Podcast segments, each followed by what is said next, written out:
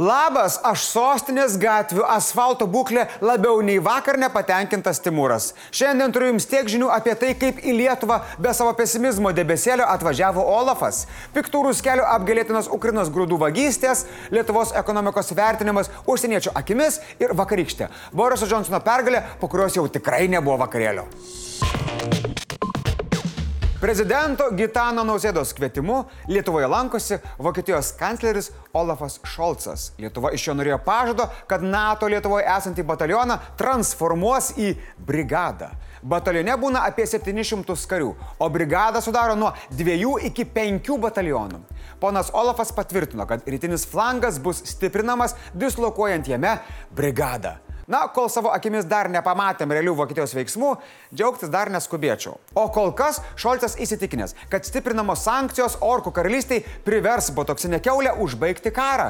Nors alijanso narės turi skirtingas nuomonės dėl brigado dislokavimo, smagu, kad bent Šolcas mūsų pusėje. Nausėda Olafui padėkojo už Vokietijos pasiryžimą didinti indėlį į Lietuvos ir Baltijos regiono saugumą. Buvo paplepėta ir apie Rusijos impercų karą Ukrainoje. Sutarta, kad dar nelaikas sustoti kovoti. Reikia didinti spaudimą rašistams ir paramą Ukrainai.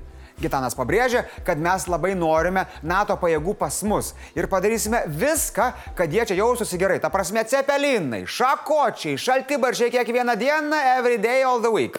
Olafas gavo klausimėlį ir apie grūdus ir jų pervežimą iš Ukrainos į pasaulį.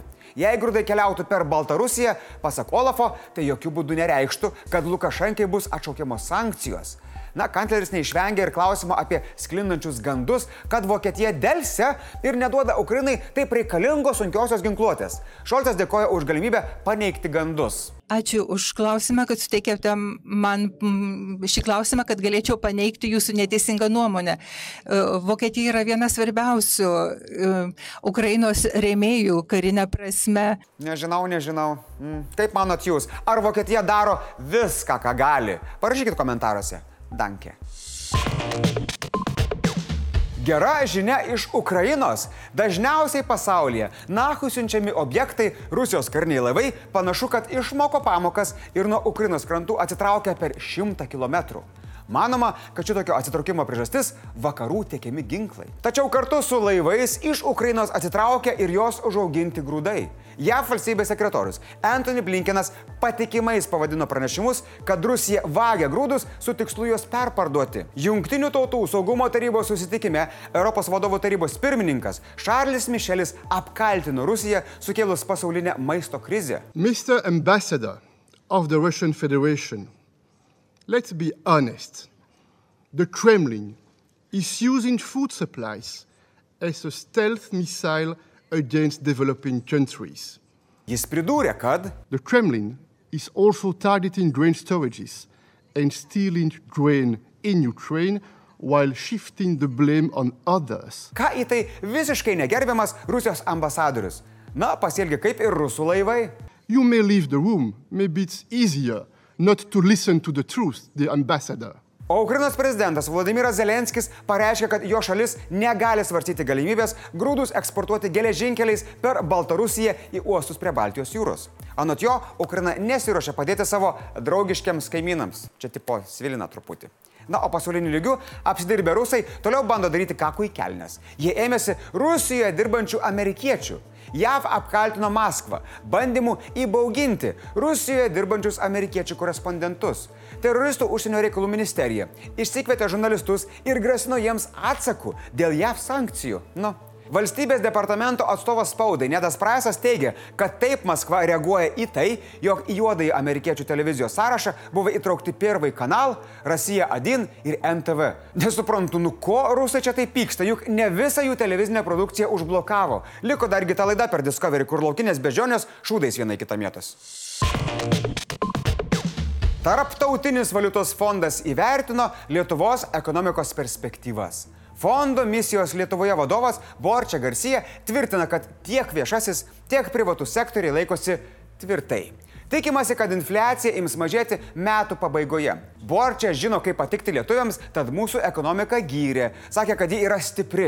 Labai tvirtai sureagavo į COVID-19, po kurio greitai atsigavo ir iki pat karo Ukrainoje pradžios stipriai laikėsi. Anot Gracijos, su didelė infliacija, kuriai didelę įtaką padarė išorės veiksniai, susidurė visas pasaulis. Tačiau jis taip pat sakė, manantis, kad jei karo padėtis neblogės, išaugusios kainos turėtų stabilizuotis arba antroje šių metų pusėje, metų pabaigoje arba jau tikrai kitų metų pradžioje o iki Liepos infliacija dar kažkiek auks. Jis pastebėjo, kad reikėtų labai atsargiai žiūrėti į dėrybas dėl atlyginimų, kad infliacija neužsidarytų uždarame rate ir neišliktų tokia aukšta. Su to sutinka ir Lietuvos banko valdybos pirmininkas Gediminas Šimkus. Finansų ministrės Gintarės Kaisės teigimu, per susitikimą buvo aptarti ir vyriausybės priimti paketai skirti infliacijos poveikio gyventojams mažinimui. Borčiai paketai patiko. Grasija bei kiti ekspertai jau pusantros savaitės analizavo šalies ekonominę situaciją. Na, galėtų dar kokią trumputį review palikti, kad visi paskaityti galėtų.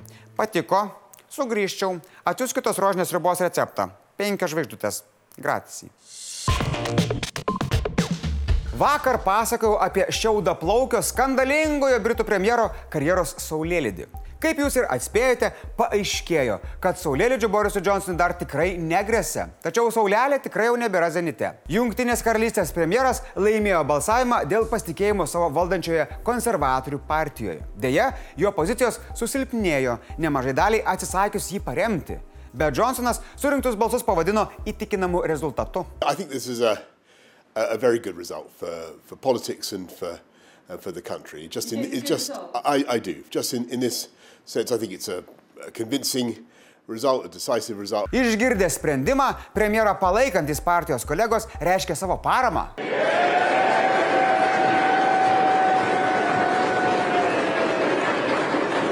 Ir aš taip su draugais esu daręs tikrai. Daužėm į stalą ir šipsojomės, reikalavom sribos, atsimenu, vad grinai, darželėje dar. Grinai, jautėmės kaip saugę Britai, žinokit. O kas toliau? Balsavimo dėl pasitikėjimo laimėjimas reiškia, kad konservatorių lyderis yra apsaugotas nuo tokio iššūkio dar 12 mėnesių. Tačiau jau sklando gandai, kad parlamentarai jau ieško būdų, kaip būtų galima perrašyti taisyklės.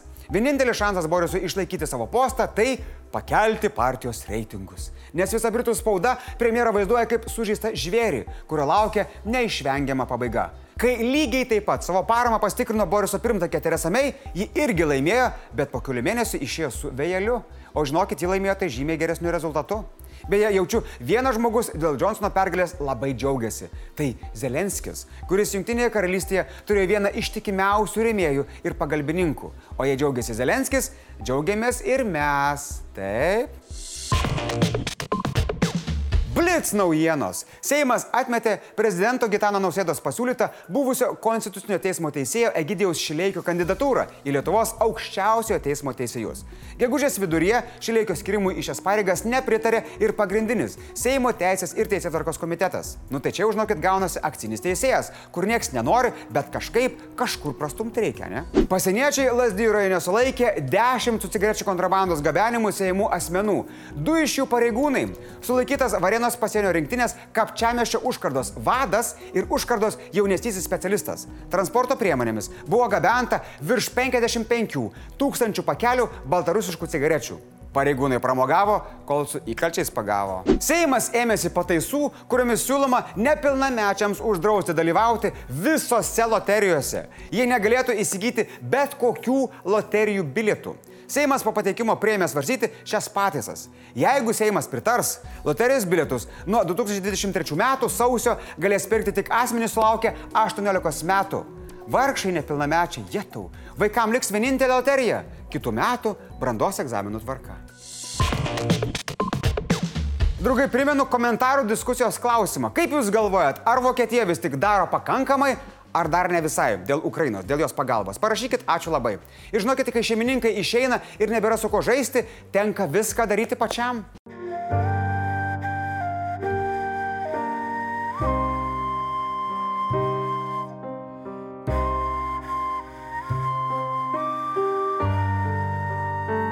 Šiandien tiek žinių, ryto čia irgi būsiu aš. Iki.